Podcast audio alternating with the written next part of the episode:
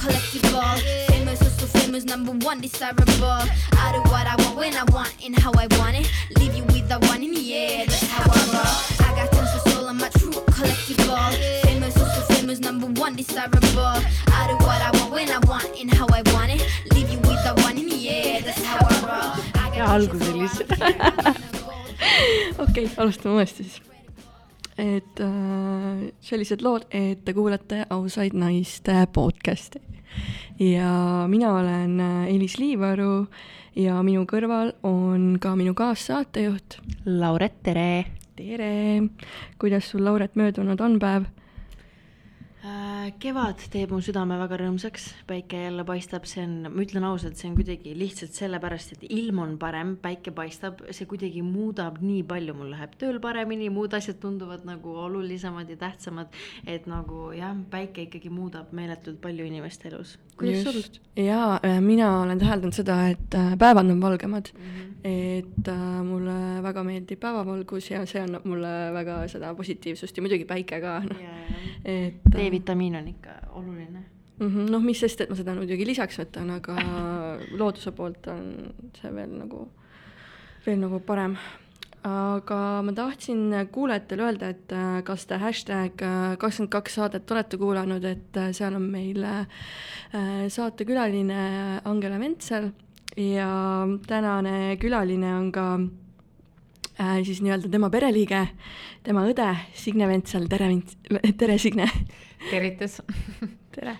ja ma põgusalt siis äh, ka tutvustaks, kes see Signe on, et äh, ma arvan, et äh, see suur tutvustus ütleb nii mõndagi, miks ta meil ka saates on, et äh, et me ei kutsu äh, siia niisama, niisama inimesi. et ähm, Signe Ventsel on särav naine, kelle põhimõte on olla aktiivne, olla keegi, kes teeb, olla iga päev parem versioon iseendast läbi teadliku ja süsteemse enearend-, enesearendamise ning seeläbi muuta ka ühiskonda paremaks. Signe on ka Eesti Ettevõtlike Naiste Assotsiatsiooni äriklubi president ja Naised ettevõtluse arenguprogrammi üks eestvedajatest. ettevõtluslektor ja elukestev õppe suur fänn turundamine ja inimeste arendamine on olnud Signe töö osaks juba üle viieteist aasta, mistõttu on ta arengupartner ja koolitaja, kes aitab inimestel ja organisatsiooni, organis-, organisatsioonidel julgemalt eristuda ja oskuslikult välja tuua nüansid, mida ise tihti ei näha, ei nähta ma alustuseks küsiks, Signe, su käest, et kas sa oled ise muidu Angela saadet kuulanud ja kas see meeldis sulle? Tead muideks, mul on see äh, tervitus kõigepealt minu poolt ka Nii., aga mu ange, minu õe saade on mulle pandud sinna nii-öelda listi äh,, selle nädala listi, et ma kuulan seda ja siis ma panin veel listi Kirti Aspergi, kes on minu hea äriklubi liige mm. -hmm. mul on praegu nagu mitu ägedat naist kohe kuulamise ootel. juhuu. mis suhted teil õega üldsegi on, saate te hästi läbi või olete te lähedased? Ja meil on tegelikult peres nii-öelda kolm, kolm õde siis on ju, isa küll tahtis kolm korda saada endale poega ja siis kolmas kord loobus selle poja, poja saamisest nii-öelda ja ka tõesti, meil on õdedega väga head suhted omavahel. et loomulikult, eks vaheaeg-ajalt tuleb ikka siukseid vaidlusi ette, et aga üldiselt ma ütleks küll, et, et äh, meil on selline hea liit, aus, avatud äh, ja kui on ikkagi vaja nagu kellegi najal toetuda, siis, siis see tugi on ka olemas ja, ja ma saan öelda, et täna mu kaks õde on tegelikult mu väga, nemad on need, kelle arvamus mulle päris korda ka läheb. me Angela käest äh, kuul-, kuulsime ka, et ma saan aru, et teil siis see perekonna osa on nagu hästi tugev, et on olnud nagu toetavad vanemad ja ja et kuidagi hästi sihuke kokkuhoidev, et ta mainis ka, et see on hästi oluline osa nagu elust, et kas sul on sama arvamus? Ja ma ütleks selle peale, et, et, et kui põhivundament on inimestel paigas kuidagimoodi, suhted head, see väärtused on paika loksutanud vanemate poolt, siis mina ütleks selle kohta, et inimestel on nagu see tiibade sirutus on eriti kaugele, eriti kõrgele. nii et kui midagi on sealt lapsepõlvest natuke vajaka jäänud kuskile nagu natuke hakkab mõranema, siis annab tunda kohe noh, enesehinnangus, enesekindluses, äh, uskumustes, milles iganes nii-öelda. ja ma täna olen iselt poolt ühelt poolt ka kahe tütre ema ja ma vaatan, kuidas siis mina ühelt poolt olen alati tahtnud ka nagu parem ema olla, kui minu ema on mulle olnud. ja kuidas ma näen tegelikult, et see, et see julgustamine ja toetamine ja selle, et, et kõik on võimalik, on andnud nendele hoopis teistsuguse mindset'i, et, et, et selles mõttes on nagu äge jah mm. -hmm aga võib-olla need inimesed, kellel ei ole olnud seda imelist lapsepõlve ja toetavad vanemaid, et kas neil on siis nii-öelda elus raskem või äh, kui neil on see nagu puudu olnud, siis kuidas see nagu tunda annab ja kuidas, mida nad selle jaoks teha saaksid?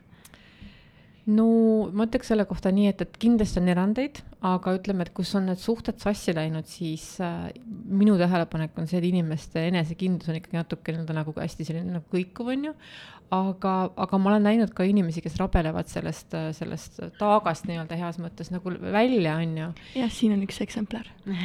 vot, nii et, et, et, et tegelikult see on ühelt poolt ka hästi palju enda tahtmist, kas sa jääd sinna ohvri rolli või sa leiad selle mõtteviisi, et, et noh, täpselt sama, et ma olen iseenda boss, et ma tegelikult loon ise oma elu ja, ja kõik sõltub minust, et kas siis ebaõnnestumine või õnnestumine on ju.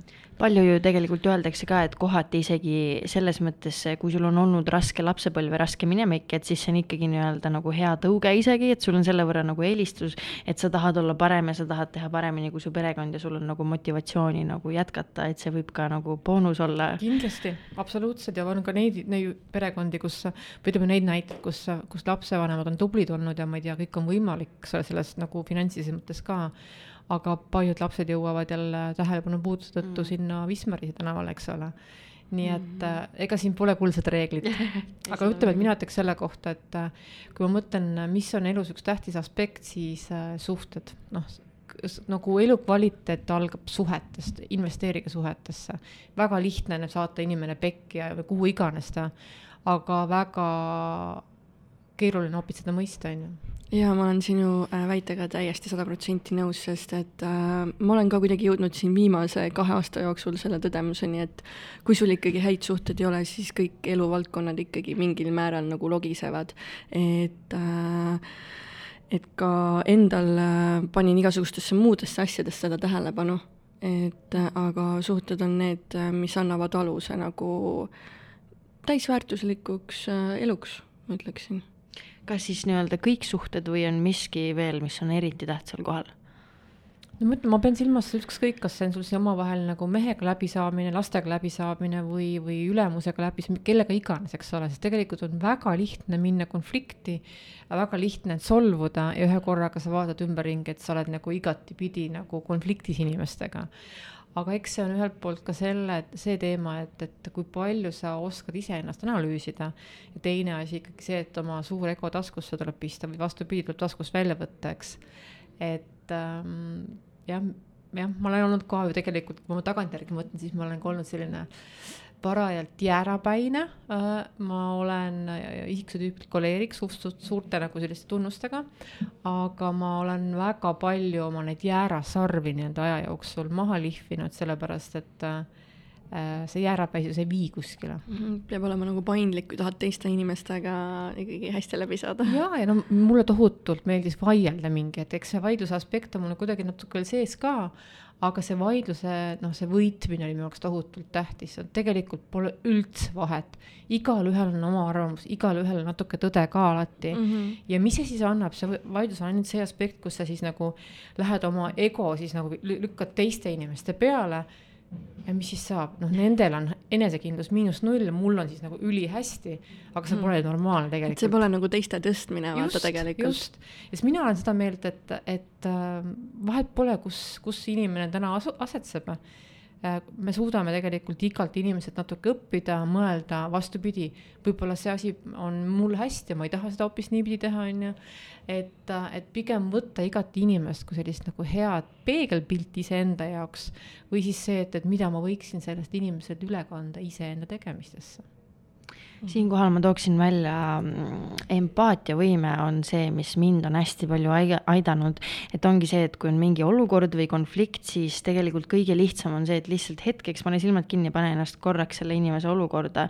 et see tihtipeale sa näed kuidagi neid lahendusi või neid asju kuidagi nagu hoopis teise nurga alt, kui see, et sa raiud nagu mingit enda, enda mingit kivi, mis ei pruugi mitte kuskile nagu viia, et see on ka nagu minu elus nagu hästi tähtis olnud ja mina olen nagu seda täheldanud, et kui ma lõpuks olen siis nagu võitnud selle äh, nagu suure vaidluse ja mina olen siis nagu äh, see noh, võimas on ju ja teised nagu on siuksed nagu madalad kui mura, murumunad, siis kas mul on hea tunne mm? -hmm. kas mul on hea tunne? ei, ma tunnen endast tegelikult enda sees väga halvasti. korraks võib olla hea, aga ja. tegelikult pikas perspektiivis mitte, on ju. jah, et sul pärast, pärast jõuab kohale, et nagu milleks nagu või mm. -hmm aga lähme siis edasi, äh, näit-, tahtsin küsida, et äh, kas, ähm, mis sul väiksena, kui sa, mis sind lapsepõlves nagu kõige rohkem paelus ja kelleks sa siis nagu tahtsid saada? see on nagu üks põnev küsimus, ma äh, tahtsin lapsepõlves saada tantsuõpetajaks kuna minu tädi oli üks kes korraldas tantsupidusid, rahvus, neid Eesti, üle-eestilisi tantsupidusid ja see tundus mu jaoks nagu nii põnev ja nagu nii äge ja ma olin kümme aastat teinud rahvatantsu ja teine nagu soov oli, et ma sa, tahaksin politseiks saada. kohe jube, jube sarnased eks ole, aga ühesõnaga mõlemad on ikkagi õpetamisega nagu seotud, vaata onju. ja siis, kui see periood lõpuks kätte sai, kui ma gümnaasiumi äh, lõpetasin, siis mul olid need ametid kuidagi nagu, ei olnud kumbki nagu väga ahvatlev.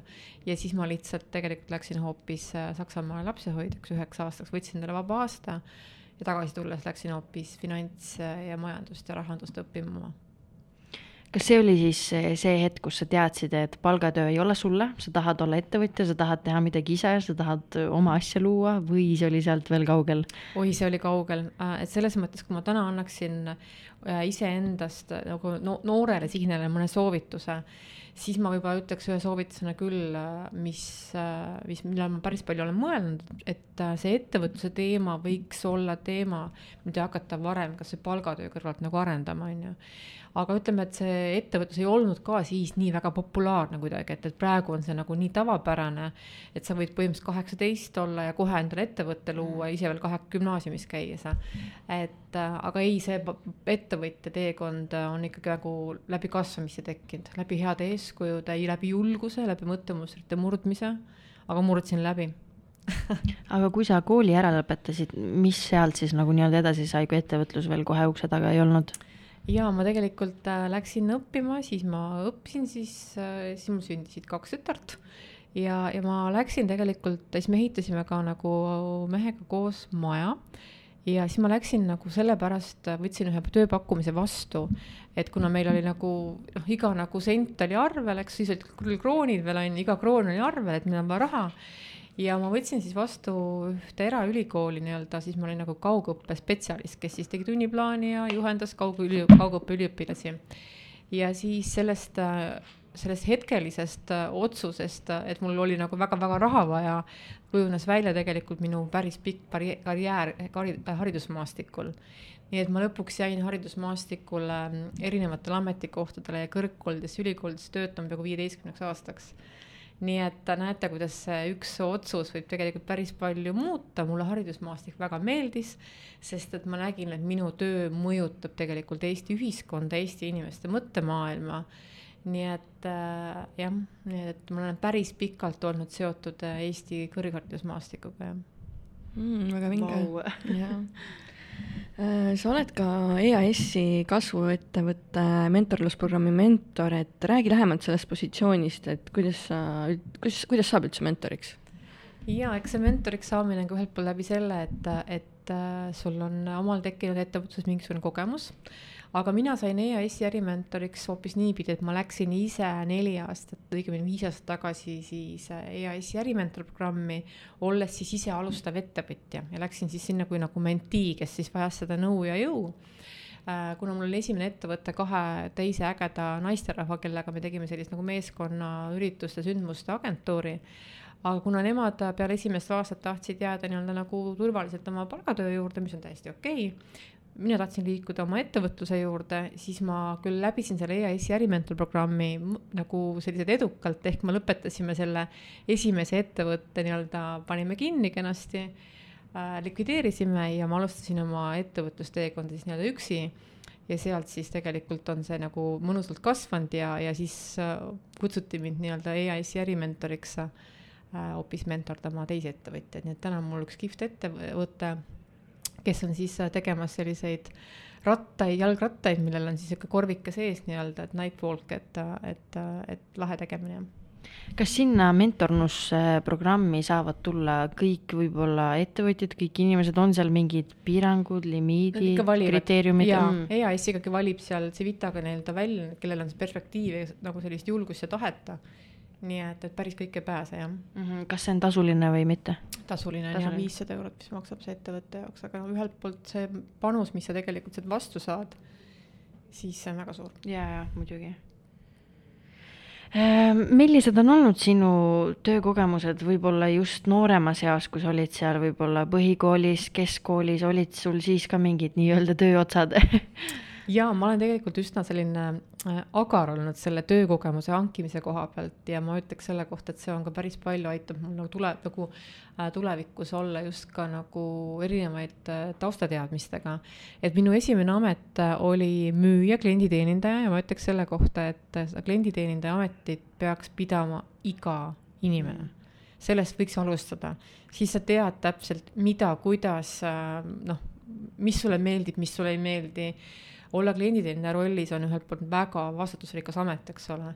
ja väga. me no, mõlemad äh, Lauretiga oleme olnud. väga äge, et nii lihtne on öelda klienditeenindajale, et sa oled nõme ja teeninda kiiremini, eks ole. et aga, aga pane ennast sellesse olukorda, siis on hoopis teistsugune pilt, on ju nii et, et sealt ma olen oma teekonda alustanud ja kooli kõrvalt käisin tööl, sain omale mõnusat taskuraha teenida ostsin endale paremaid riideid ja, ja kogusin raha, nii et oli mõnus. Eh, sa mainisid selle klienditeeninduse kohta, minul on täpselt sama arvamus müügitöö kohta, et kui mina läksin äh, müügimaailma, siis see oli asi, mis konkreetselt muutis mu elu. sest see, mida sa õpid müügitööd tehas, see on lihtsalt meeletu ja mul nüüd äh, ema, kes absoluutselt, ta ei ole mitte ühegi müügiasjaga kursis, ta ei tea, mis see on, ta ei ole kunagi aru saanud, mis ma teen, aga tal tuli töökohas nagu võimalus, et kui ta natuke rohkem midagi nii-öelda kliendile pakub, siis ta saab selle eest rohkem raha, ehk siis müük. ja siis ta proovis, ta oli mingi, tead, Lauret, ma nägin sul aknalaual neid müügiraamatuid, ma lugesin kaks tükki nendest läbi ja tead, ma olen nii palju arenenud, et see nagu vahet ei ole, mis, mis müüki sa teed, tegelikult elus kõik on müük. ja et see annab nagu nii meeletult palju juurde, et ma olen ka nagu sellel arvamusel. jaa, et äh, elu on üks suur müük mm. ja ma kuulen eestlaste käest väga palju ma ei ole müügiinimene, ma ei mm. oska turundada. mina ütleks selle kohta, et viimane aeg on hakata müügiinimeseks. et mulle hästi meeldib see Grant Cardoni raamat, et äh, müü ise või müüakse sulle, on ju. seda mu ema lugeski. nii et, äh, et kui sa ise ei oska müüa, siis keegi müüb sulle ja järjepidevalt müüb, on ju ja noh, see, et, et ma ei ole müügiinimene, siis noh, tegelikult igaüks, kui sa päeva alustad, sa juba oled müügiinimene selles mõttes. noh, me kogu aeg müüme endale oma ideed maha, on ju, mehele la,, lastele, kellele iganes, et ma ei tea, pane söö hommikul putru või pane selga see roosa kleit, on ju, lasteaeda lähed, noh. nii et, et elu on üks suur müük tõesti. jah um mis oleks sinu üks nõuanne, mis aitaks kaasa maailma paremaks muutmisele? Äh, ja ma olen selle mõttega päris palju mänginud ja olen päris palju ka vaielnud oma nagu sõprade tutvuskonda, mitte vaielnud, vaid oleme sel teemal nagu rääkinud, et äh, kui ma saaks, kui mul oleks tõesti üks võlukepike, siis ma kutsuks inimesi mõtlema rohkem äh, selle peale, kuidas iga inimene saaks võtta vastutust iseenda elu eest mulle täna ikka tundub seda, et, et me ootame nagu, praegu on selline koroonasituatsioon ka, et me kogu aeg ootame nagu valitsuselt mingisuguseid äh, abipakette ja, ja vaimseid koolitusi ja mida iganes, on ju. Mm. et me võiksime olla nagu paremad kodanikud äh, Eesti ja, riigile, on ju et, et võtta selle iseenda arendamise teadlikult enda kätesse, mõelda, mis ma päriselt tahan, mitte käia ringi nagu peata kana, on ju, või siis täpselt, et hommik äh, viib sind õhtusse järgmine päev samamoodi et, et see mõte, et kuidas mina saaksin ka ühelt poolt millega tagasi anda jah, see, kui sa juba iseendaga tegeled, on ju meeletu tagasiandmine, et võib-olla see koroona on ka paljudele inimestele nii-öelda excuse, et mul ei ole töökohta, mul ei ole seda, aga kui koroona on sinu jaoks excuse, siis tegelikult ega sa väga neid asju nagu teha ei tahagi jaa, selle koroonaga võib vabalt võtta endale niisugust nagu madalat hooaega ja madalat seisu ja pugeda teki alla mingiks ajaks. Aga sa ei saa kaua seda teha, eks ole, nii et, et, et, selles mõttes jah, me võiksime olla nagu tublimad kodanikud. ja just see mõte ka, et täpselt ollagi liikuda ja terve ja, ja, ja mis iganes, eks ole, et, et, et äh, sa pead ise vastutama iseenda asjade eest oma elust. jah, kuskilt ma kuulsin ka seda, et miks paljud inimesed oma elu ei muuda või ütleme näiteks ei hakka veganiks või mis iganes, on sellepärast, et nad ütlevad, et ah, et mis see minu üks, minu, minu otsus ikka nagu teeb või mis see minu väike muutus ikka teeb. aga tegelikult on see, et sorry, et Jesus Christ, just enne, enne podcast'i ei ole mitte midagi, siis kui ma hakkan rääkima. see on alati nii. ja, aga siis, kui sa ise juba teed mingi parema otsuse, siis see tegelikult tõstab nagu terve maailma vibratsiooni.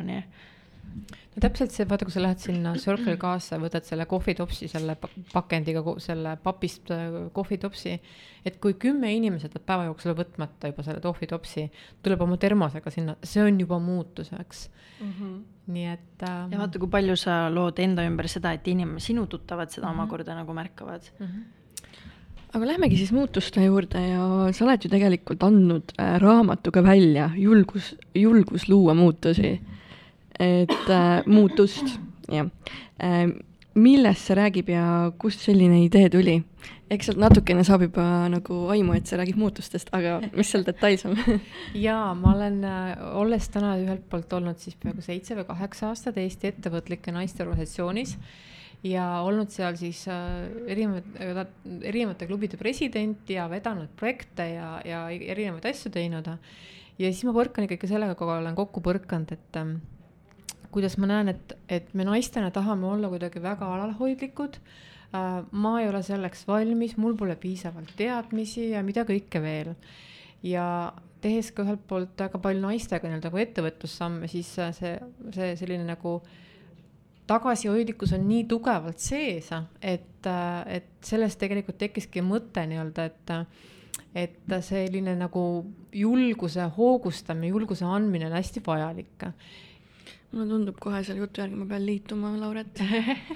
Sest minu, minus on mingi alalhoidlikkus sees. Ja siis, kui ma sellest äh, teemast rääkisin oma hea äripartneri ja, ja Sebanna Kristi, Kristiga ja ma rääkisin ühte just lugu ühest naisterahvast, kes äh, oli jätnud nii-öelda nagu, ta oli tubli naine olnud, ta oli tubli ema olnud, ta oli andnud võimaluse oma mehel teha ettevõtlust ja äri arendada ja lapsi toetanud ja kantseldanud kõike. ja mis siis ühel päeval juhtus, oligi see, et, et, et see mees leidis endale noorema naise lihtsalt ja kui naine ei olnud end- ja naine kahjuks oli panustanud kõikidesse teistesse elementidesse, aga mitte iseendasse. nii et, et, et siis ongi see aspekt, et kui sa nagu üksi jääd, mis sa siis teed, eks ole, sa oled selle suure killuhunniku all ja kuidas sa siis sealt välja tuled, eks. Sa pole panustanud iseendasse, pole teinud tööd enda enesearenguga, enesekindlus miinus null ja sellest tegelikult see mõte nagu läkski nii-öelda nagu liikuma, et kirjutaks naistele ühe ägeda raamatu Eesti naistele sellise tõelise julguse inspiratsiooni raamatu. sest meil on väga-väga palju raamatuid, mis on nagu välismaalt tulnud kuidagi noh, Ameerikast ja kust iganes mm. -hmm. aga mulle kuidagi tundub, et kui ma neid raamatuid ise ka loen, et Nad ei kõneta kohakuti, see tundub kuidagi, et ah, aga mina olen ju Eestis ja no mis see, ma ei tea, see Kim.... see tundub nagu kuskil kaugel olevat. just, aga mina olen Eestis ja see on hoopis teine kontekst ja see on no kasvõi sama see Maria Forleo ja Kim Kiyosaki ja mis siin kõik veel on, on ju et, et, et see põhivundament on hoopis teistsugune mm. -hmm. nii et me kogusime siis tõesti kokku Eesti ägedate julgete naiste lood, kes on teinud julget muutust ja, ja kirjutasime sinna juurde siis nii-öelda nagu kuus, kuus peatükki, igas peatükis on sellised arendavad teemad läbi meie enda isiklike kogemuste ja tegemiste ja meile öeldi ka selle protsessi käigus, et kes teile annab neid lugusid, kes kirjutab ikkagi mm. mingi oma loo nii-öelda. nagu ikka muidugi ju ja ehk et sul tekib idee, on ju, ja siis sa hakkad seda ideed ühelt poolt nagu inimeste pealt testima ja, ja siis sa kuuled, kuidas sul hakkab nagu tekkima erinevaid arvamusi inimeste käest. nojah, inimesed on... tahavad ikkagi nagu noh, kas just nimelt niimoodi maha teha, vaid ikkagi, et kas sa oled ikka kindel selles ja, otsuses. ja siis ehk, ehk sulle tuleb ühe korraga nagu nii palju selliseid nagu nooli sinu suunas mm, -hmm. üks nool, teine nool, kolmas nool. ja ma isegi korraks tundsin ka seda, et ai, ma ei tea, kas see ikkagi on päris hea mõte, kas ma ikkagi mm. -hmm. olen nagu noh, kes üldse, kes sa, Signe, üldse oled, et sa hakkad mingit raamatut kirjutama siin. ja ma tabasin selle hetke ära, ma mäletan, see oli üks augustikuu vihmane päev, ma olin terrassi peal, olin lõpetanud ühe kõne ja, ja minu käest küsiti, et Signe, aga kuidas sa seda üldse oskad teha, on ju. ehk et inimeste nagu arvamused suudavad sind mõjutada küll nii palju. ja siis on nüüd see aspekt, kas sa lähed nüüd seda julget teed mööda, mille, mille nagu protsessi sa täpselt ei tea või sa annad alla sellepärast, et inimesed lihtsalt, nemad, kellel pole reaalseid kogemusi, on niimoodi arvanud, eks mm. -hmm nii et, aga ei ähm,, ma seedisin seda asja ja ma tean seda, et kui minus tekib see aspekt, et äh, kerge hirmu või selline nagu, nagu situatsioon ehk et äh, minu jaoks on hirm väga heaks GPS-iks. selles suunas tulebki liikuda, hirm on mm. nagu teeandjaks, vaata. et ju see on see õige teekond ja, ja tegelikult äh, panime Kristiga plaani paika, kaardistasime nagu valdkonnad, kirjutasime naistele, kellele võiks nagu lugu küsida.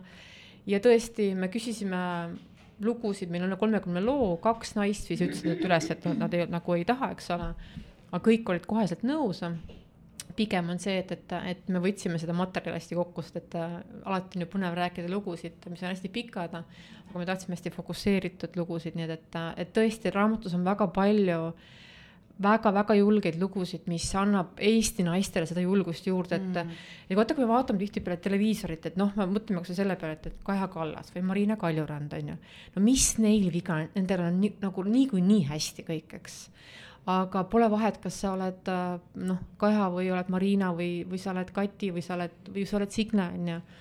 siis meil kõigil on neid kukkumise hetki. küsimus on nüüd selles, et kas me kukume ja jäämegi sinna pikali või tegelikult ronime püsti, tegutseme edasi, me pühime selle tolmu õlgade pealt ja liigume edasi mm. -hmm. nii et, aga tõesti, et raamatust sa saad inspiratsiooni, ma tean juba ka, et, et selle raamatuga on päris paljud naised omale selliste muutuste palli lükkama ja veerema pannud, nii et, et on see on tegelikult see kõige suurem eesmärk. ja, ja just see on nii võimas tunne raudselt, kui Ja, äh, ja, saad selle muidugi. tagasisideme. Äh, aga see oli väga nagu äh, õige mõte, et ähm, et nagu see kaugelt kuskilt keegi on teinud mingi raamatu või et siis keegi siin Eestis on äh, nagu rääkinud oma tutvusringkonna mingeid kogemusi. et see tundub nagu nii siinsamas, et ohoo, et see naiste, naisterahvas on niimoodi teinud, et ma ju saan ka siis äkki. et, et võib-olla siis see äh, kaugelt tulnud nii-öelda raamat, äh, see ei tekita vaata seda tunnet mm. -hmm. et ja see on äh, iga naine, kes meil tegelikult käinud on, meil on käinud meeletult palju inspireerivaid naisi ja kõik on tegelikult öelnud täpselt sedasama asja, et Eesti naised on ägedad, aga neil lihtsalt miskipärast ei ole seda julgust ja seda pealehakkamist, mitte et meil midagi viga oleks, vaid lihtsalt see kuidagi nagu loomult on nii, et ma arvan, et see on nagu väga-väga suur lüke ja väga suur hüpe sinna suunas, et justkui võib-olla, kui ta loeb seda raamatut, seal on keegi, kes on võib-olla tema jaoks kellegi tuttava, tuttav, tuttav, siis ta mõtleb, et nagu okei okay,, et mida ma nagu teinud olen ja eks sellega ongi nii, et, et äh, inimesed saavad inspireeri-, inspireeritud kahel nagu korral, üks on see aspekt, kus inimene on hästi nagu kõhuli poris maas, on ju, ja muutuseks, muutus on vajalik. teine aspekt on see, et ta saab kuskil inspiratsiooni. nii et äh, ja seal raamatus tõesti, kui mõtlen nende lugude peale, siis äh, ainuke küsimus on see, küsi endalt, mida mina saan sellest loost õppida, on ju, sest me oleme nagu, ma ise olles ühelt poolt nagu koolitaja täna, siis ma näen, et me inimestena ahmime podcast'ist informatsiooni, raamatutest, Youtube'i mingi videodest, aga siis on nagu sihuke pikk tühi auk, midagi ei järgne, on ju. ehk me nagu täiskasvanud ei oska kuidagi nagu õppida. et mm -hmm. kuidas sa sünteesid selle õpitu või noh, ma ütlesin ka seal raamatus, et jooni, kirjuta, mõtle, et mis on selle peatüki sõnum sulle, on ju. sest ma ütleks selle kohta, et ma ei tea mitte ühtegi naist, kel, kes ütleks, et mul on perfektne elu, muutusi ei vaja ja ma kutsun mõtlema, et see muutus ei pea olema mingisugune totaalselt suur, vaid kasvõi see, et, et sa noh, ei, ei pugi enam kella üheksani mingisugust magusat või, või hakkad rohkem liikuma, see on ka muutus, eks mm. -hmm. ja harjumuste muutmine, mingisugune lugemuse muut-, mingi mindset'i muutus, mis iganes, on ju. -hmm. muutused tõesti võivad olla nii mitmetasandilised, et, et sa võid teha nii-öelda füüsilises mõttes muutusi, võid rahalises mõttes muutusi erinevates eluvaldkondades mõnikord võib ka niimoodi olla, et, et sa ise mentaalselt tahad muutust, aga su alateadvus on teinud otsuse, et mina ei tervene ja mina ei, ei muutu, et, et tuleb leida need kitsaskohad üles, et, et enda, enda juures olen avastanud mingeid selliseid asju. Jah, ja see ka, mis sa enne mainisid, et näiteks kui me vaatame, ma ei tea, Marina Kaljurandi või kedagi, et mis neil viga, siis mis mind ka palju aitas, oli see, et äh, mitte üldse halvaga, aga igal inimesel on mingid enda, enda ebakindlused, enda hirmud. et kui sa võib-olla vaatad mingit inimest, kes tundub sulle ülienesekindel ja suur ja võimas, siis tegelikult ta on ka lihtsalt inimene ja tal on ka enda hirmud, et seda tuleb ka nagu meeles pidada. et mind nagu kunagi jah, kui ma sisenesin müügimaailma, siis nagu hirmutas see, et kõik tundsid olevat nagu nii tähtsad ja nii enesekindlad ja siis ma olin nagu, et aga tegelikult ei ole üldse nii nagu -hmm. et jah. aga selle ma teen pisikest reklaami, et kui keegi tahab veel nagu hankida julgust, siis äh, me just tegime Marina Kaljurannaga ühe sellise nagu veebiseminari äh,. see minu kodulehel signeventsel.ee blogis üleval ja selles nagu Marinaga diskussioonis on nagu metsikus koguses lihtsalt julgust. ta võttis Moskvasse suursaadiku koha vastu, omamata mingisugust kogemust või asja nii et, et, et, et selles mõttes me naistena ütleme kogu aeg asjadele ära, sellepärast et me pole justkui parajalt piisavalt professionaalsed, noh mm. -hmm. aga mina ütleks selle kohta, kui tagantjärgi mõtlen oma asjade peale ka, siis igasugune väljakutse tuleb alati sellel hetkel, kus, kus sa polegi nagu päriselt valmis. nüüd on küsimus, kas sa lükkad selle tagasi ja mõtled, et oh, aega on, ma veel õpin natuke või sa võtad selle vastu ja hakkad liikuma tundmatus suunas, eks ole.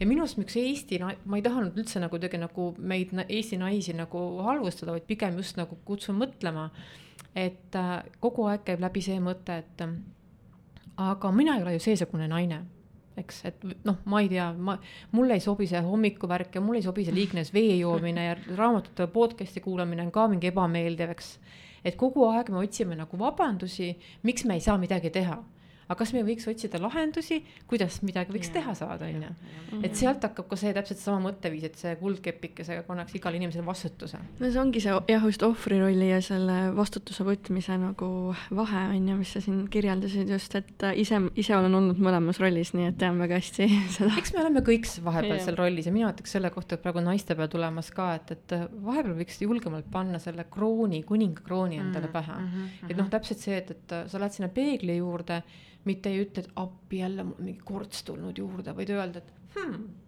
vaat kui nunnu korts mul on tulnud juurde, on ju, või noh, tõsta nagu enda, noh, tõsta iseennast, vaata, kas mõne hea komplimendiga. et ma tegin siin ühte koolitust naistele ja siis ma ütlesin ka, et esimene asi, et ennem me üldse ei alustagi, teeme avatud ringi ja igaüks ütleb, mis talle tema enda juures tundub nagu tõeliselt ilus. siis oli tükk aega vaikus on ju, sest see on ebameeldiv teema.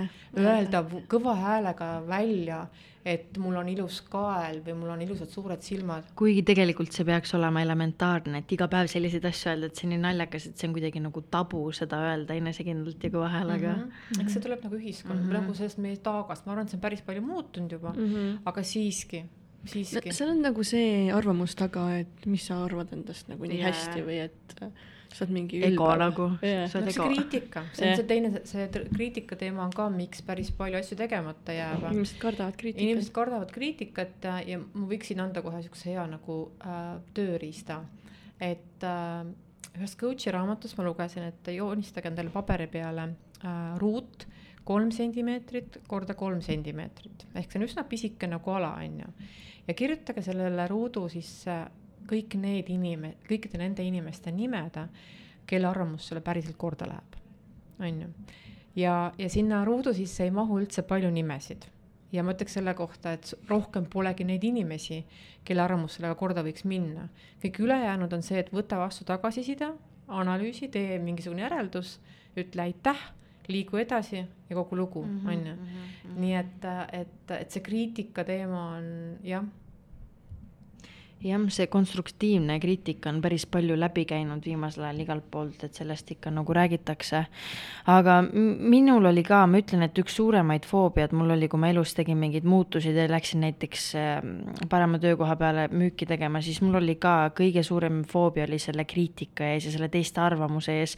ja ma ütlen päris ausalt, mu esimesed nädalad möödusid niimoodi, et ma olin vetsus kontoris ja ma lihtsalt nutsin mm. -hmm. sest et mul oli nii suur hirm, sest minu ümber olid inimesed, kes olid teinud müüki mingi neli-viis viis-kuus aastat, kõik rääkisid, nad olid ladusad, enesekindlad ja siis tulen mina, mingi noor tšikk, kes mitte midagi ei osta, umbes mingi ma teen nüüd müüki või. ja siis mõtlesin, et ei, et nagu mis asja ja ainuke asi, mis mind, ma kuulasin podcast'e, lugesin raamatuid, tegin, ma ei tea, hommikuti kirjutasin afirmatsioone ja manifesteerisin ja mediteerisin, aga ainuke asi, mis mind tegelikult aitas, oli see, et ma lihtsalt võtsin toru kätte, hakkasin tegema. ja siis peale seda ma sain aru, et vau wow,, ma ei surnudki ära, kõik on tegelikult hästi. ja siis ma hakkasin seda tegema aina rohkem, aina rohkem, aina rohkem, kuni üks hetk ma sain aru, et mul on suva ja ma olen äge ja ma olen täpselt sama vääriline. et ma ütleks ka, et mis ainuke asi, mis kõige, mitte ainuke, aga mis kõige tõhusamini toimib, on see, et lihtsalt rusikaga hakata pihta nagu hirmu kõige parem äh, nagu selline nagu relv on tegutsemine, hakka lihtsalt tegutsema mm. -hmm, mm -hmm. ja ma ütleks selle kohta, et äh, mitte kunagi sa ei tea, kuidas võiks asju täpselt teha, tegutsemise käigus tekib selgus. jah mm -hmm tõsi, ma, ma nagu äh,, ma lihtsalt, mul tuli praegu flashback inimestest, kes meil siin podcast'is käinud on ja nad ütlesid, üt-, on öelnud mingi kolm inimest sama lause öelnud nagu see hirmu teema. et äh, väga lahe aga selle kriitika koha pealt tahaks veel ka öelda, et äh, teine asi ka, et, et, et märgata ise, kui palju mina või sina näiteks kriitikat välja anname, et, et kas mul on õigus anda mingis situatsioonis inimeste kohta hinnanguid, kui ma tegelikult päris tausta ei tea mm. -hmm. ja, ja kui me rääkisime nendest suhete teemast ka, siis ma ütleks selle kohta, et ähm, kui sa ei mõista või kui me ei mõista üksteist, siis küsi küsimusi küsi- äh,, heade küsimiste kü, äh, heade küsimuste küsimine avab kõik uksed mm, -hmm. isegi siis, kui see konfliktisituatsioon on juba kohe-kohe õhku nii-öelda lendamas. küsi inimeste käest ja üks väga hea küsimus minu arvates on see, et, et äh, kui keegi on sõber tige või mis iganes on, siis küsi sellist küsimust, et äh, aga mida sa täpsemalt selle all silmas pead. ehk see annab inimesele võimaluse korraks tagasi tõmmata, annab korraks võimaluse mõelda ja siis selgitada see on väga hea nõu ja minu arust, mis ka palju suhete puhul aitab, on avatus ja ausus. et võib-olla on palju olukordi, kus sa tunned, et see, sulle võib-olla tehti liiga, sa ei tunne ennast hästi, sa oled natuke kurb, aga mingitel juhtudel seda ei julgeta öelda, hoitakse enda sees. aga tegelikult see võib omavahel hoopis nagu lähedasemaks muuta, kui istuda maha, olla avatud ja võib-olla leida lahendused, teine inimene üldse ei pruukinud teada, et sa nii tunned. et see, see on ka asi, mis hästi palju nagu muudab neid suhteid omavahel tõsi. küsiks võib-olla küsimust, et äh, mis sa ise arvad, millised on sinu äh, hea äh,, paremad ja nii-öelda tugevamad ja nõrgemad äh, omadused? minu tugevusteks ma nimetaks iseenda puhul on see, et, et see täpselt sama valdkond, mis ma teen, ehk et mm -hmm. see selline nii-öelda äh, bränding äh, tööandja brändi mõistes, persooni brändi mõistes ja, ja turunduse mõistes, selles ma olen väga hea. Äh, kui me räägime nii-öelda nagu isiksusomadustest, siis ma olen hästi, äh, kui ma mingi asja võtan endale fookusesse, siis ma olen pühendunud ja noh, üldse keeruline mind sealt ka nagu tee pealt nii-öelda nagu kõrvale lükata. minu nõrkusteks on see, et ma tahan vahel ikkagi jätkuvalt äh, liiga palju asju korraga saada. ehk et äh, see to-do list või see nagu on liiga suur. nii et, et, et see on see selline nõrkuste koht, see tekitab tegelikult vahel ka natuke segadust. nii et, äh, et, et see on see jah. aga oskad nagu hoida seda piiri, et see ei läheks nagu läbi põlemiseni? no eks ma olen vahepeal käpuli ka kukkunud, täiesti julgelt võin öelda, et selles mõttes äh,. aga mul on see käpuli kukkumine tekkinud läbi selle, et, et mul on lihtsalt nagu nii palju põnevaid projekte laua peal ja siis ma tahan nagu neid kõiki ellu viia ja siis ma hakkan võtma ära kõiki neid tegevusi, mis aitaksid mul tegelikult isiksusena rohkem olla efektiivsem, aga ma võtan need tasu, tasakaalustavad tegevused kõik ära. noh, kasvõi koeraga jalutamine, sportimine, mis iganes, sest ma mõtlen, ma teen siis ju rohkem, mul on see aeg olemas, aga teate, inimene ei suuda, on ju, ehk et mm -hmm. kui sa tahad reaalselt rohkem saavutada, edukas olla, iseenda mõistes edukas olla ja tahad efektiivne olla, siis lihtsalt planeeri oma puhkuse aspektid trennid päevaplaani nädalakavasse mm. mm. ja ma olen seda nüüd juba üsna pikalt teinud, nii et äh, enam ma ei tee selle kohalt allahindlusi ma tahtsin veel küsida, et nende muutuste kohta, et miks sa üldse arvad, et inimesed ei julge nagu muutusi teha, et mis see nagu põhiasi on, mis tagasi hoiab, et miks neid vabandusi siis nii palju kogu aeg tuleb? Noh, teine, esimene aspekt on muidugi ka see, et, et meil pole aega mõelda oma tegemiste südameasjade järgi, ehk et küsida, et, et kui ma võtan selle klassikalise eluratta nagu ringi, eks ole, seal on kõik need sõbrad ja pere ja töö ja karjäär, on ju. et äh, mis selles sektoris võiks teistmoodi olla, mitu punkti ma sellele sektorile annan. kui sul ikkagi punkte on seal nende üks või kaks, on ju, siis, siis seal võiks olla midagi teistmoodi. Ja, ja selleks, number üks on see, et meil pole aega mõelda, kuidas see võiks olla, teine aspekt on see, et meil pole aega mõelda äh,, mõelda, et kas see tegevus ja see asi on nagu päriselt mu südameasi. ja olla ühelt poolt ka aus iseendaga, nagu sa vaata ütlesid ka just, et, et see ausus on hästi tähtis mm. -hmm nii et, et ma arvan, et sellest hakkab tegelikult see asi pihta ja väga mõnus on ju käia turvalist teekonda hommikust õhtuni, samas teadmata, kuhu see tee sind tegelikult viib. Et ega siis mina olen ka ühelt poolt siin praegu selle koroonaperioodil päris palju oma seda nagu teekonda jälginud ja mõelnud ja ja ma olen aus, see on keeruline, see on segadust tekitav, see tekitab hirmusid, see tekitab selle tunde, et appi ma ei tea täpselt, kuhu, mida, kuidas see, kuidas ideaalne olukord võib olla, on ju. nii et, et selle koha pealt on siis klapp kinni arvutil ja, ja koerale traksid külge jalutama.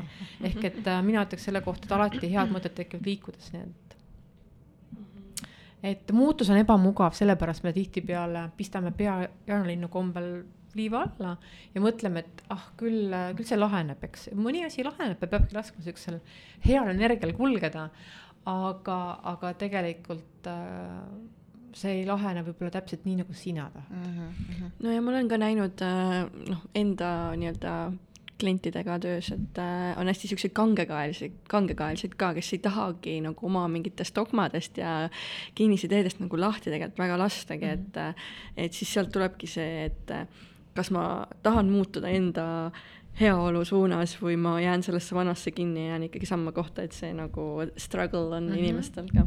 ja teine asi, mis muudatuste puhul veel on see aspekt, mida mina ise olen ka väga palju nagu koge-, kogenud ja kokku puutunud, et kui keegi võtab selle teekonna ette, on see siis nagu kas enesearenguga seotud või mingisuguse muu asjaga, siis, siis ei ole üldjuhul väga palju sõpru, kes sellega kaasa tulevad ehk et sul on see oht, kus sa võid saada jälle taaskord kriitika nagu surve nagu, nagu osaliseks, eks.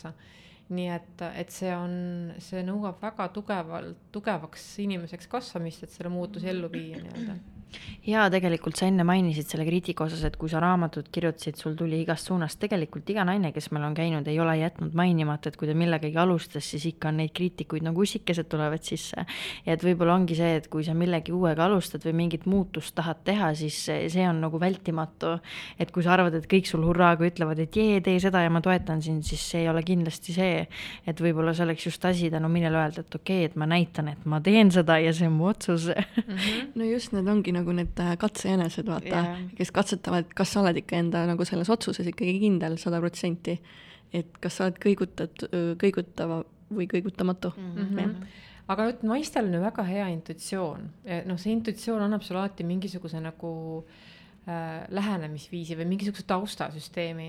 ja kui ma just tegin seda seminari ka Marina Kaljurannaga, siis tema ütles ka, et, et, et tema teeb alati oma otsused lõpuks lähtuvalt oma intuitsioonist, ta võtab vastu kõik arvamused ja kõik sellised nagu, nagu kuul-, nagu kogemused, aga kuna tema on ise see, kes seda asja ellu hakkab viima, siis äh, ta teeb seda läbi intuitsiooni, noh, täpselt samamoodi, et, et see on see lõpuks, mis paneb su selle punkti mm -hmm. ja aitab mm -hmm. otsustada ja tegelikult ju, tegelikult selle naiste intuitsiooni tõttu on naistel veel lihtsam äri teha, ma ütleks.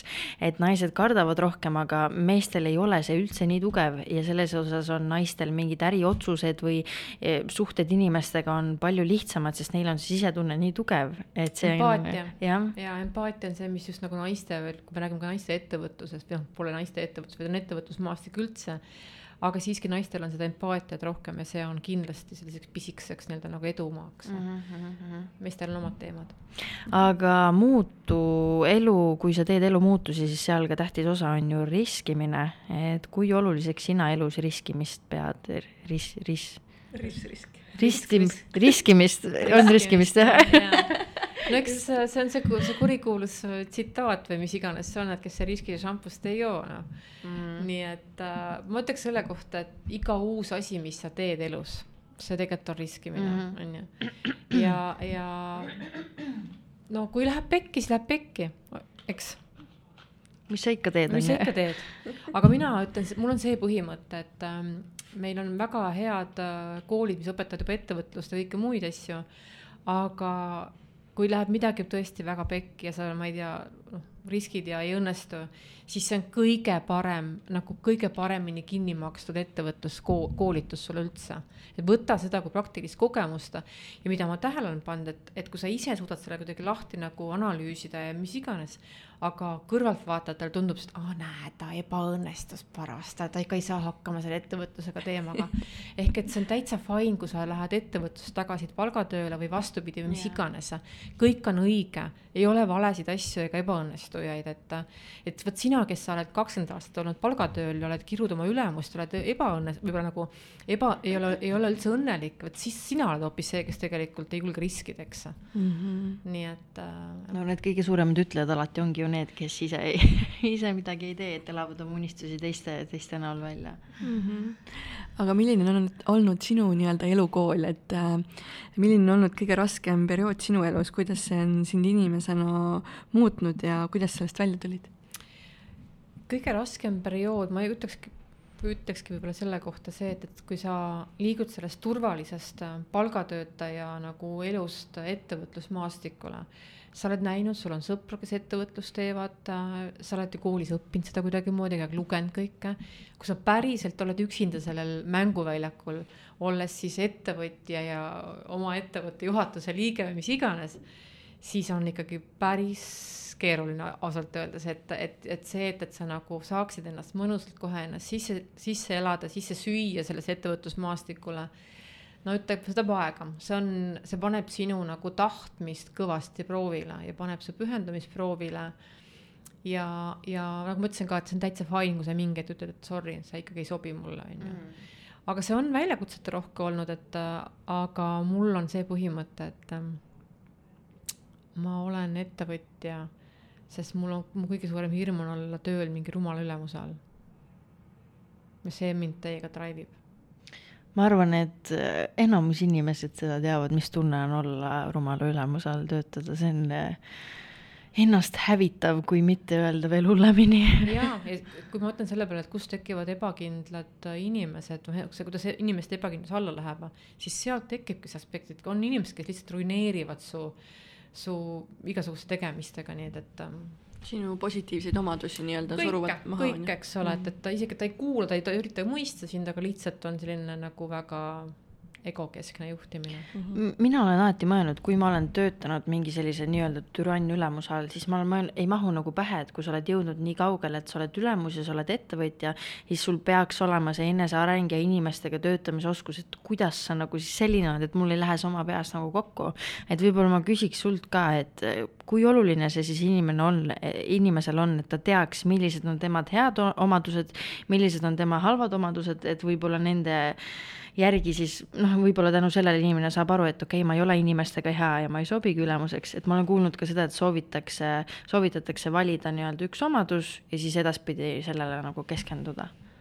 Tead, ma ei, ma ei oskagi sellele vist niimoodi nagu päriselt öelda, aga ma ütleks selle kohta hoopis nii, et, et miks need juhid äh, on nagu nad on sellised, sel-, ma ütleks selle kohta, kuna ma ühelt poolt ka juhte ise nagu koolitan ja teen juhtidega koostööd, siis äh, ma näen seda, et, et tõesti nad ei tea päriselt, kes nad ise on.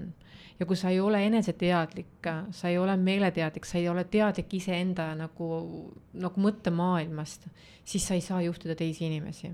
ja mul on üks väga hea markantne näide ka, et kui ma käisin siin äh, ühe maakonna väikeettevõtjaid koolitamas, juhte just. ja ma küsisin, kui paljud teist tegelevad iga päev või noh, on nagu paigas mingisugune oma enesearengukava või plaan või mis te nagu teete. siis äh, kuuskümmend protsenti tõstis käe püsti ja ütlesid, et pole aega selleks. ja siis minu küsimus on see, et, et kust siis tulevad Eestis need need ebameeldivad juhtimiskogemused mm. -hmm. et, et. väga hästi öeldud. et, et sealt nad tulevadki et äh, tihtipeale ongi oluline on palgata oma meeskonda tarku töötajaid, aga sa pead oskama nendega siiski nagu äh, noh, nende keeles rääkida nii-öelda ja mõista neid ja arendada ja olla sellel teekonnal nende heaks partneriks, mitte nagu bossiks mm. -hmm. me rääkisime küll sellest, et äh, selline eneseusk tuleb ikkagi lapsepõlvest ja lapsepõlv hästi palju mõjutab seda. ma küsikski lihtsalt nagu siukse nii-öelda morbiidse küsimuse, et kuidas leida eneseusku? ja see on ka väga hea küsimus, kui ma ettevõtlusmaastikule astusin, siis äh, ma olen väga, see on üks äh, põhi nagu selline komponent, millega ma olen päris palju teinud tööd.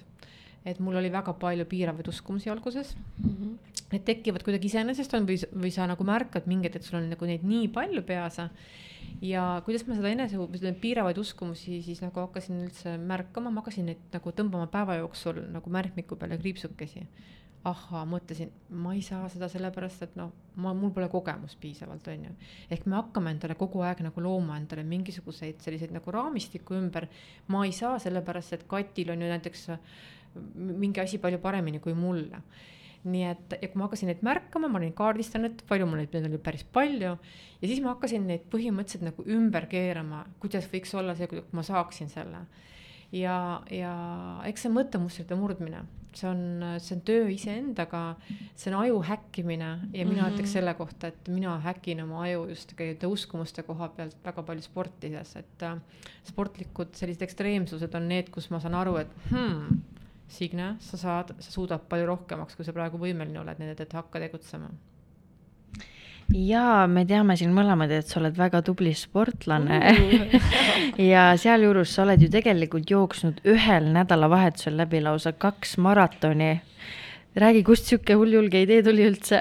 Äh, eks äh, spordiseltskond inspireerib ja inimesed inspireerivad üksteist, aga ma olen päris pikalt tegin mingit rulluisutamist ja kohe niimoodi nagu võistlustasandil ja siis käisime seal Berliinis iga sügisel nii-öelda rulluisuvõistlustel ja siis nägime, et seal järgmisel päeval on samal päeval ka see jooksumaraton. No ja siis oligi mingi hetk, me siis panime kolmekesi naistega plaanid paika, järgmine aasta võtame osa sellest, et ja siis me siis, oligi vist kaks tuhat, ma ei mäleta, mis esimest korda oli, kaks tuhat üksteist äkki äh, läksime, siis osalesime, et äh, nii et, et ma olen kaks korda seda teinud ja teinekord oli nii, et, et, et laupäeval kallas paduvihma rulluisumaratoni ajal ja, ja pühapäev oli ka nii, et, et põhimõtteliselt äh, sadas vihma, hoovihma, paduvihma vaheldumisi hommikul kella kaheksast kuni kella kolmeni, nii et, et, et jooksumaraton oli lausa nagu vihma sees, aga aga tead, äh, kui sa selle läbi teed, siis sul tõesti tundub, et mida sa siin istud veel, hakka tegutsema, et no maailmas on nii palju ägedaid asju, lükka ennast mugavustsoonist välja ja see see piirid kuidagi avanevad selliste ekstreemsete nagu elamustega ka, jah kas sa võiksid siis öelda, et elu on tegelikult ka nagu maratoni jooksmine, et kõik see nii-öelda mindset ja treenimine, eesmärgid, vastupidavus mm, -hmm. distsipliinid, et võid Mara... sa neile nagu võrdusmärgi vahele ja, panna? mina väga palju, äh, kui ma äriga nagu alustasin ka äri, ärimaastikul, siis ma tõin väga palju paralleele spordis, kuna ma olen suur spordifänn ja sihuke tulihingeline spordiaustaja ja tegutseja, siis ma hakkasin kogu aeg paralleele tooma, okei okay,, et mul on, kui ma tahan nagu jooksus väga heaks saada, siis me võtsime endale kohe jooksutreeneri, eks ole, kes hakkab treenima. kui ma tahan oma äris liikuda, liikuda edasi, mul on väga mentorit, on ju. nii et, et, et jaa, absoluutselt, et ja ütleks selle kohta, et maratoni jooksed, siis teed vahepeal puhkuse, siis teed kiirenduse mingis aspektis, siis teed jälle jooksed järgmise maratoni. Nii et elu on suur maraton pisikeste sprintide ja vahepausidega Elis, millal me maratoni jooksma lähme? tahtsin just sama küsida su käest kusjuures, et äh, kas paneks kuhugi kirja ennast või et äh, sa oled kunagi üldse jooksnud midagi? ma olen käinud nendel, mis on need mingid seebjooksud või mis ja, need siin on, mitte nüüd maratoni ma ei ole jooksnud mm, -hmm. aga seal mingitel jooksudel olen käinud nagu no aga algus on tehtud. ja ma olen ka vist mingil käinud kunagi ammu. ja mingid, ma mäletan, kunagi olid mingid naiste jooksud ja, ja siuksed. aga praegu on vist need virtuaalsed kõik sellepärast, et äh, koroona häkib me häkime aju siis samal ajal. jaa, just, just eh, enne kui me lähme, siis eh, jõuame natuke nüüd ärist ja ettevõtlusest ka lähemalt rääkida, siis ma tahtsin küsida, et mis on parim kompliment elus, mis sa saanud oled? oi kui põnev küsimus, ma isegi ei mäleta, et keegi nii põnevat küsimust mu käest oleks küsinud. kompliment meil ikka on veel see, et meil, meil on, meil on, meil on saates üks küsimus äh, alati olnud, mille peale külalised nagu vait jäävad, alati on see üks küsimus järelikult, järelikult oleme head tööd teinud. jaa, mul on. High five suu täitsa kohe kinni, aga parim kompliment, ma jään täitsa vastuse võlgu, kas see on nagu parim, aga mu noorem tütar on äh, väga autentselt alati komplimente andmas ja, ja isegi siis, kui noh, on see olukord nii nagu on, aga kui tema märkab, siis see on alati väga südamest ja alati väga mm, nagu ausalt öeldud mm. ja ma arvan, et tema käest on tulnud mingisugused parimad komplimendid. lapse suu ei valeta ju. no nii on, on ju e, jaa, aga siin enne lõppu paar küsimust ka. mina tahtsin küsida, et mis asi üldse on persooni bränd, millega tegu on ja miks see on üldse oluline?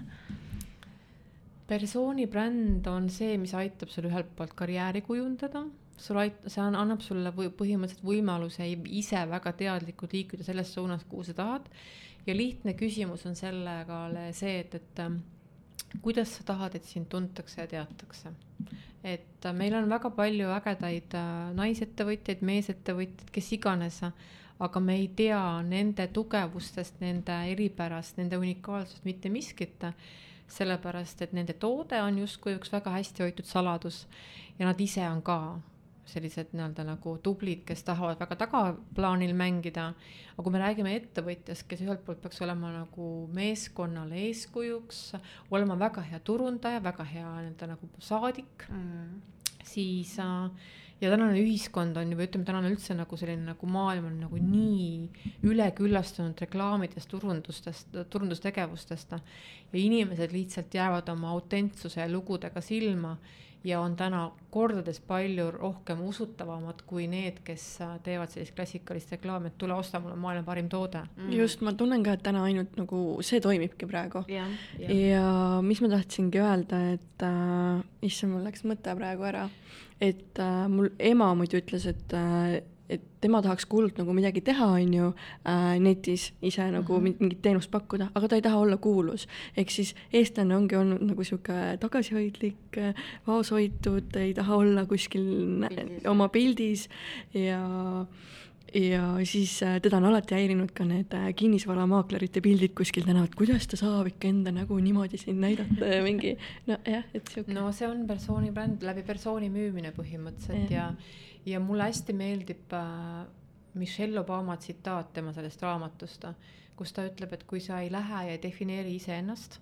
siis teevad seda teised inimesed mm, -hmm. teevad seda tihtipeale ebaprofessionaalselt, ebatäpselt.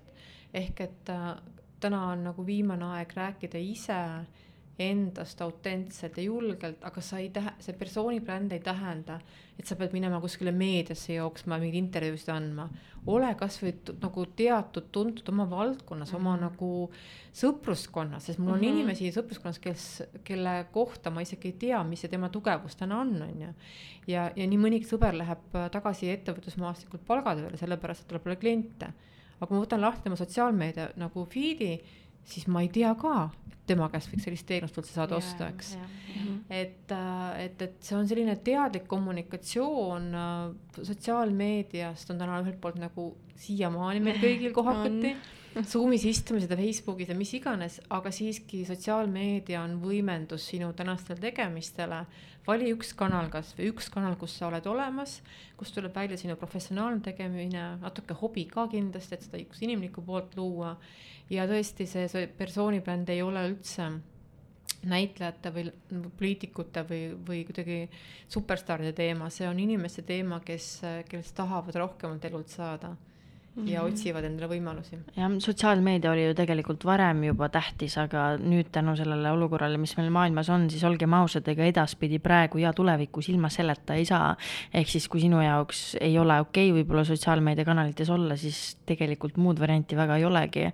ja mulle väga meeldis ka see, et autentsuse teema, et maailm on tegelikult ju muutumas ja kui varem oligi see, et kes tegi rohkem reklaami, see sai rohkem müüki, aga nüüd on see, et kes ausamalt räägib, seda rohkem inimesed teda usaldavad ja minu arust, minu arust nii, meil tekkis siin äh, väikesugune error, nagu mina ja Eelis oleme tehnikahaldjad lausa aga, aga küll me ka sinna punkti jõuame. me jäime pooleli seal, et äh, mina mainisin, et maailmas on väga äge muutus see, et äh, kui varem oli see, et mida rohkem reklaami, seda rohkem müüki, aga nüüd on see, et mida ausam sa oled, seda rohkem inimesed sind nagu usaldavad, et mainisin, et see on väga-väga lahe muutus. et saame siit siis nüüd edasi minna mm. -hmm Äh, mis sa ise mis, mis sulle endale su enda töö juures nagu kõige rohkem paelub, miski, mis tekitab sulle nagu elevust? mulle meeldib enda töö juures see, et äh, kui ma olen teinud mingisuguse kohtumise või koolituspäeva või mingisuguse niisuguse lühi, lühiinspiratsioonipäeva ja kui ma näen, et ma suudan inimesi panna number üks teistmoodi natuke mõtlema, number kaks, sellest mõtlemisest tekib tegutsemine ja number kolm, sellest tekib muutus. ja ma ütleks selle kohta, et see on kõige kõige suurem nagu palk minu töö juures ka, et inimesed hakkavad asju tegema teistmoodi ja näevad iseendas võib-olla sellist nagu ahaa, nii saab ka, on ju, ja tegelikult see on päris äge, eks nii et äh, ja mulle meeldib see, et ma saan kohtuda väga paljude erinevate inimestega ja, ja ma olen alati selle suhtumise võtnud ka nagu koolitajana, arengupartnerina, et äh, kui on hea sünergia grupis, siis tegelikult on see õpiprotsess põhimõtteliselt nagu lõputu.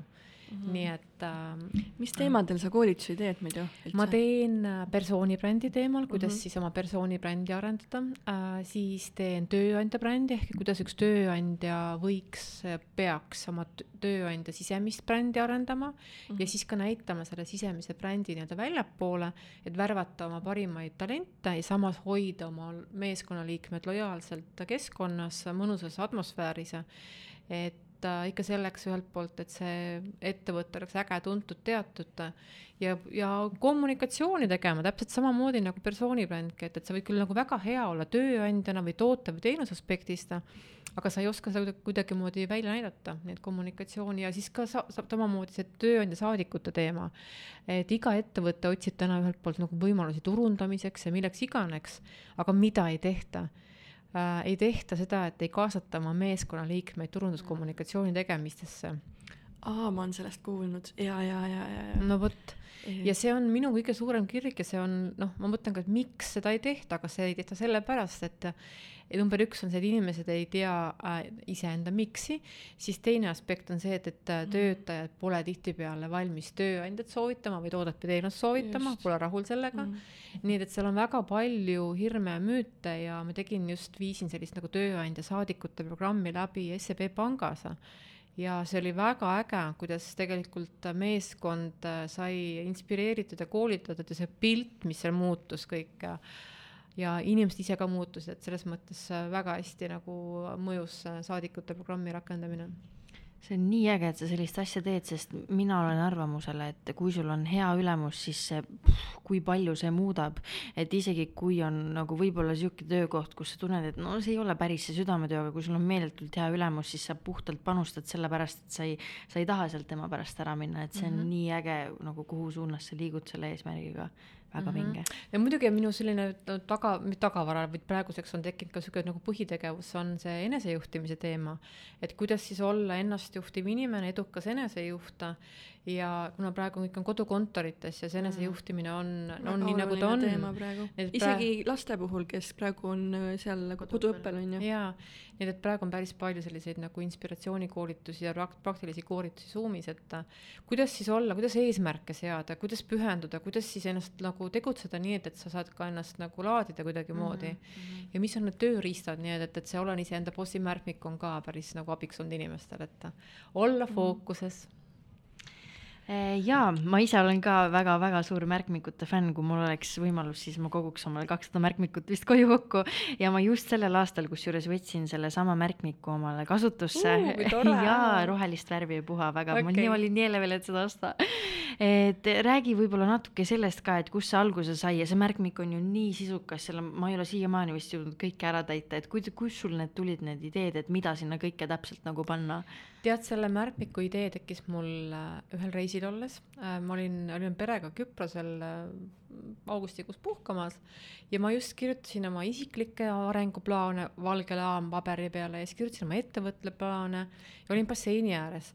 ja ühe korraga tuli tuuleiil ja kõik minu need paberid tähtsad paberid, mis ma siis olin kirjutanud, läksid lendu, mõni märjaks, mõni mustaks. siis ma mõtlesin, miks mul peab olema nagu nii palju, ma ei tea, mingi A4 lehti on ju ja nagu kõik on nagu segamini ka.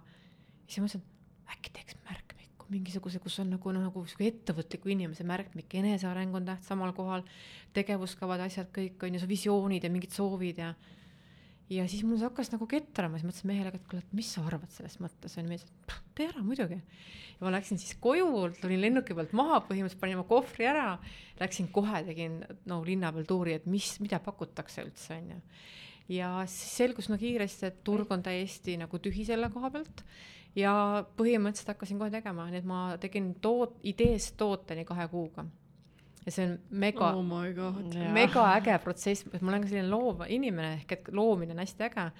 ja, ja selles mõttes mul on nagu tõsiselt hea meel, et, et mina olin sellest, selles valdkonnas nüüd esimene, aga peale mind on tekkinud nüüd erinevaid märkmikke praegu. väga-väga palju. igaüks on erineva nurga alt, igaüks on omamoodi äge, et selles mõttes ja mulle kirjutasid väga mitmed inimesed pärast kas Instagrami või Facebooki, et tead, mul oli ka see mõte, aga kogu aeg oli nagu see, et pole õige aeg ja pole ikka häid, mõtteid nii-öelda, et äge, et sa selle ära tegid. nii et, et see on see mõte, et hashtag mõtlen tegutsedes yeah see oli hästi lahe, et tihtipeale ju aasta algus on ju see kõige tähtsam, kus sa paned kõik kirja, oligi see, et kui ma selle aasta alguses otsisin eh,, ostsin, siis kuna seal oli nii palju lehti, nii palju asju, millele keskenduda, siis see sundiski mind konkreetselt istuma maha ja kõik need asjad ära mm -hmm. täitma, siis tegelikult seal, selle jaoks oli noh, juba nii nii-öelda ideaalne põhi nagu aasta alguseks toodud. süsteem loodud jah, ehk ta tegelikult on tõesti väga paljusid inimesi aidanud just nagu fookuses püsida. Ja mul on, kuna mul on, olen iseenda bossi pusa ka ja mul on ikkagi väga palju need inimesed juurde, kes ütlevad, jah, ma kasutan teie märkmikku, et ma sain oma vee joomise korda ja mm., ja mul on nüüd nüüd see aeg, kus ma võtan teadlikult aega iseenda nagu, nagu arendustegevuste peale. et noh, inimesed ütlevad, nad on muutnud oma elu, siis on nagu täiega kihvt. ja muideks, mul tuleb täna välja üks, üks selline koroonaveebi bossi selline arendustoode mm.. Äh, teadlased on teinud kindlaks, et inimene suudab olla fookuses maksimaalselt kolm kuud ja nüüd ongi mul siis tehtud niisugune nagu, olen iseenda bossi arendustoode saja päeva fookuse märkmik. ehk kui sul on üks projekt, sul on mingisugune üks eesmärk, siis sa saad võtta selle ühe märkmiku ja tegelikult nagu sada päeva olla fookuses sest inimene ei suuda aasta lõpuni olla yeah. fookuses, me mhm. käime ka nüüd üles-alla, aga yeah., aga maksimaalne periood ongi siis keskeltläbi kuskil kolm kuud. nii et, et ehk et eesmärk on, et sa liiguksid nende pisikeste kolmekuuliste sammudega suurtele eesmärgile lähemale. jah, kolm kuud on ju tegelikult ka vajalik aeg, et kujundada uued harjumused. just, kvartaalne, kvartal põhimõtteliselt ja nii, et, et tuleb välja üsna peatselt, jah. nii lahe täiega kui teadlikult sina oma brändi üles ehitasid ja ning nagu, mis äh, olid need põhilised äh, väärtused ja tugisambad, millele sa toetusid, et edukas persooni bränd luua? minu märksõna on äh, autentsus ja ma olen selle teemaga päris palju kokku põrkanud, et ma ei ole kunagi ennast nagu haipinud või kuidagi nagu reklaaminud, et, et kuidagi lihtsalt, et oleks ilus või fine. Minu jaoks on see, et, et olla autentne ja et seal taga on sisukus. Ehk mul, ma räägin siis, kui mul on midagi öelda, ma lähen esinema siis, kui, kui ma olen sellest teemast nii-öelda nagu pädev, kui ikka pole piisavalt pädev, siis teen natuke uurimustööd, aga autentsus on ehk et, et selles mõttes äh, ma kindlasti ei ole sellise perfektse Instagrami pildi fänn, et äh, mul on väga palju Instagramis pilte ka, mis on tehtud tegelikult sellises kurvas situatsioonis ja ja kajastavad ka mingisugust hetke emotsiooni. Nii et, äh, et autentsus ja sisukus on minu märksõnad, jah. aga ma ütleks selle kohta, et ähm, ma just siin olen päris mitme ettevõttega nagu suhelnud ja siis on see, et, et jaa, et oi, ma olen teie blogi lugenud ja tean väga hästi teid, olen teie mõnel loengutel käinud, et et, et ma olen teinud neid asju, mis on mulle hästi hingelähedased, ma olen teinud neid asju väga suure pühendumusega ja sealt tegelikult tekibki see persooni bränd, et sa ei pea ise push ima seda, aga sa pead leidma kindlasti kanali, kuidas see mõte välja nii-öelda kommunikeerida ja panna mm. nagu elama mm. -hmm. ja inimesed märkavad seda, et sa annad midagi oma hingest, midagi tuleb sinu südamest ja, ja siis hakkavadki asjad liikuma, energia hakkab mm -hmm. liikuma. ja need, ma olen ikka paar korda nagu päris läbi olnud ka peale mingisuguseid koolituspäevi, sellepärast et äh, sa lähed täie energiaga peale, tahad ju neid äh, kõiki, kes on tulnud kuidagi sinnamoodi nagu, et nad saaksid nagu maksimaalset kasu aga see on sinu energia, millega sa mängid yeah., nii et, et, et aga energiat tuleb ka hoida. aga ma olen seda veendunud, et ükskõik missugune eesmärk sul elus on, kui sa suudad lahti muukida selle, et ma pean selle eesmärgi kinni saadma, vaid tegelikult sul on võimalus see ja kui sa paned sinna taha oma hea energia, selle, et jess, tegutseme, lähme naudime protsessi, protsessi käigus muutume paremaks inimeseks, siis alati eesmärk täitub yeah., alati see on ka see, mida meie siin Lauretiga ausad naiste podcast'i tehes tahame no luua. No vot. ja sa ütlesid ka see saja päeva, et inimene ei suuda nii-öelda kauem keskenduda. mulle hästi meeldis sinu märkmiku juures ka see, et seal oli kohe kirjas, et siin ei olegi kolmsada kuuskümmend viis lehte mm, -hmm. sest vahepeal sul on vaja puhkust. ja see võttis mult nii meeletu pinge maha, sest mul on olnud see, et kui märkmikut ei täida, siis mingi ei tea, kas see on ikka hea päev.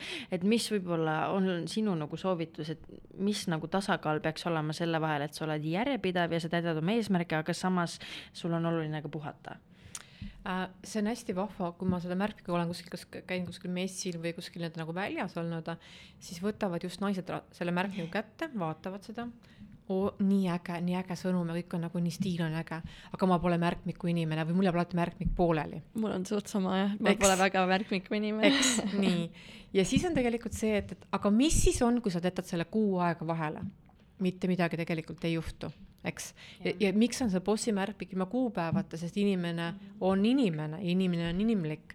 Ja me kõik komistame vahepeal. Ja mina ei ole ka mingi ideaalne selles mõttes, et mul on küll nagu see, et ma tõesti hommikuti teen oma sihukest nagu tänulikkuse hetke, aga pühapäeval näiteks, kui sa oled terve päeva teed sporti ja kokkad ja teed mingeid muid fun asju, mul ei ole märkmikku vaja siis, eks mm. -hmm. nii et, et, et selles mõttes äh, pigem on see, et, et äh, märkmik aitab sul püsida fookuses, et mine selle märkmiku juurde tagasi siis, kui sa tunned, et natuke hakkab kuidagi nagu lonkama, eks. ja mul oli nagu see mul on, ma olen saanud nii palju mitmeid märkmikke, kus on siis need kuupäevad sisse kirjutatud, kas mul on kingitud või ma olen ise mõnikord olen siis ostnud enne seda, kui ma sain teada, et noh, et ma ei ole väga vaatav märkmiku inimene. mulle meeldib Google kalender ja siis äh, ja siis äh,, siis oligi see, et nagu ajaski mind nagu äh,, nagu kuidagi nagu frustratsioon tekkis, et issand, mul on nagu terve pool kalendrit on veel kirjutamata, midagi ei ole sinna sisse nagu tehtud, et raisku läheb, vaata ju. Et siis ja just see raisku minek, see oli nii hea otsus, et mitte panna kuupäevasid, sest mul samamoodi, ma olen märkmiku inimene, aga kui ma nägin, et mul oli nädal aega tühjust, siis ma olin mingi, et eh, miks ma seda üldse täidan. aga kui ma võtan selle praeguse märkmiku lahti, siis on ju see, et isegi kui ma olen jätnud nädal aega vahele, siis eelmine päev on ikka täidetud, see on niisugune tunne nagu jätkaks nagu samast kohast, et see on väga vinge mm. -hmm. ja üks selline hea nagu eduprintsiip, et äh, olles selle valdkonna suur fänn ja seda teemat hästi palju uurinud ka ja uuringuid ja erinevaid nagu fakte, siis äh, inimene, kes kirjutab oma eesmärgid ja soovid ja mõtted pliiatsiga või kirjutusvahendiga paberile, ta saavutab oma eesmärgid nelikümmend kaks protsenti keskeltläbi rohkem, nii et, et sul on juba võimalus oma edu kuidagi nagu, eks sa mõtled paremini läbi, sa sünteesid, sul läheb see läbi, läbi peast, läbi südame, eks mm.. et aga no ma küsin sinu käest, et sa ütled, et sa pole märkmiku inimene. No selles mõttes ma äh,, mul mingisugune selline A4 märkmik on, kuhu ma siis kirjutan äh, bucket list'i mm -hmm. oma mingid äh, noh, kas tunded ja mm -hmm. soovid ja eesmärgid mm -hmm. ja mingi niimoodi. ahah, ikkagi tuleb. Ikkagi tuleb seda, jah. tuleb ikkagi Jah. jah. aga mulle selle bossi märkmiku juhul on tulnud üks kiri ühelt meesterahvalt, et "Ah, appi, appi, et mul sai nagu aasta lõpuni veel natuke aega, et aga minu märkmik saab nagu kohe täis, et kas siin polegi lehti kõigile nagu päevadele et see oli nagu nii tore lugeda, et mulle just meeldis, et, et seda, seda nagu muret kirja kirjutas mulle meesterahvas, kes oli nii püüdlikult täitnud seda märkmikku.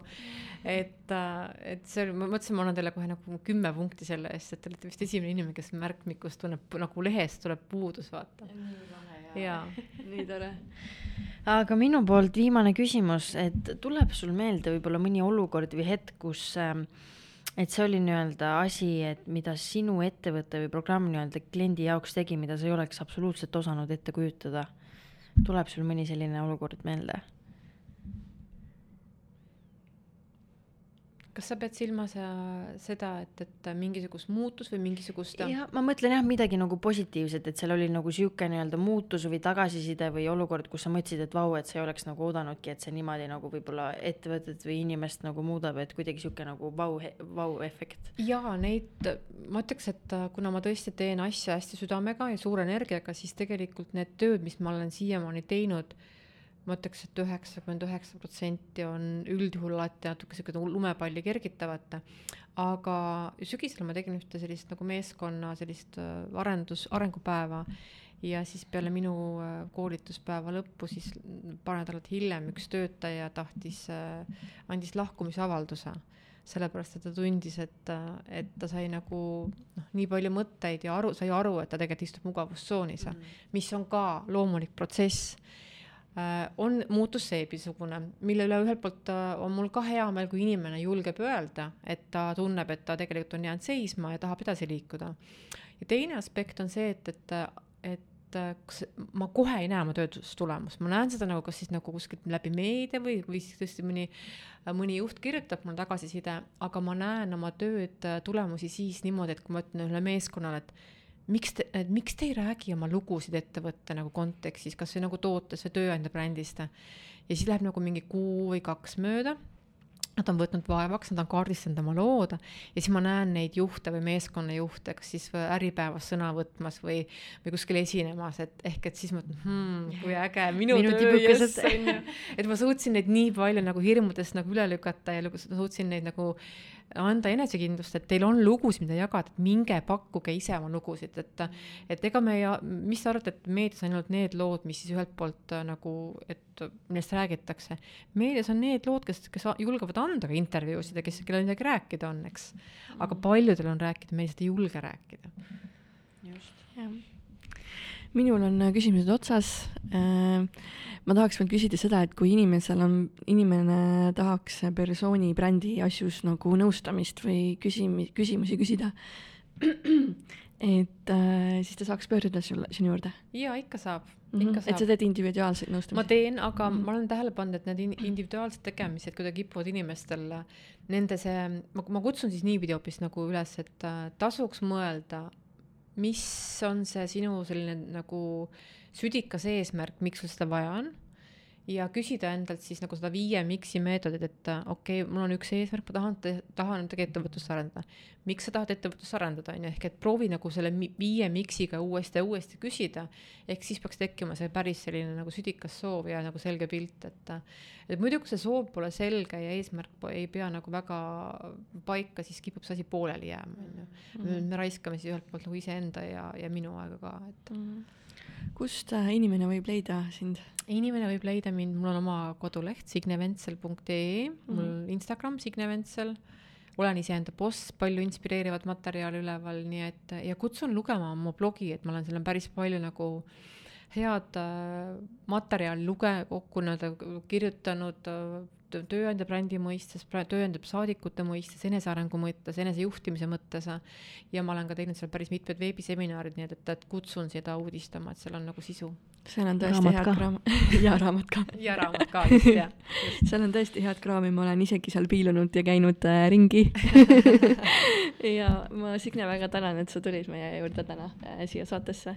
et oli väga sihuke põnev jutuajamine ja minu poolt ka väga suur aitäh, lõi väga palju väärtust ja mul on kohe tuju on täitsa laes mul on, mul on ka kuidagi lõbus ja, tuju sihuke. et võib-olla sul on endal veel miskit viimast öelda, mida sa tahad kuulajatele edasi anda? mõtlen naiste peale, mõtlen siin ausate naiste peale ja üldse Eesti naiste peale, siis ma ütleks selle kohta, et äh, mõtleme oma südamesoovi peale, mis sealt südames tegelikult sind nagu tõsiselt sütitab ja kui sa oled päris aus iseendaga et äh, kas midagi sinu kategooriates, valdkondades võiks olla teistmoodi. ja leia endale mõni äge kaasteeline, kes on ka muutustega nagu liikumas, ükskõik missuguses muutustega. alati on olla teel, muutuste teekonnal hea koos kellegagi, kes on samasuguse põhimõttega ja ära passi mm, -hmm. hakka tegutsema, päriselt ka elus on nii, praegu on nagu nii äge periood mm, -hmm. nii palju võimalusi mm -hmm. ja lihtsalt äh, noh, muudame koos maailma mm, -hmm. Eesti naised. Ja. Väga äge sõnum siia lõppu, nii inspireeriv. Aitäh teile! Nii mõnus vestlus. ja seega kuulajad, kui teile ka saade meeldis, siis jagage seda mitme oma sõbraga, oleksime väga tänulikud ja samuti äh, andke tagasisidet nii meile kui ka meie saatekülalistele, see annab meile jõudu, indu teha oma tegemisi edasi. ja veel kord mainin, et postkast on alati avatud. Aga Signe, sulle veel kord suur-suur-suur aitäh ja kuulajatele soovime kena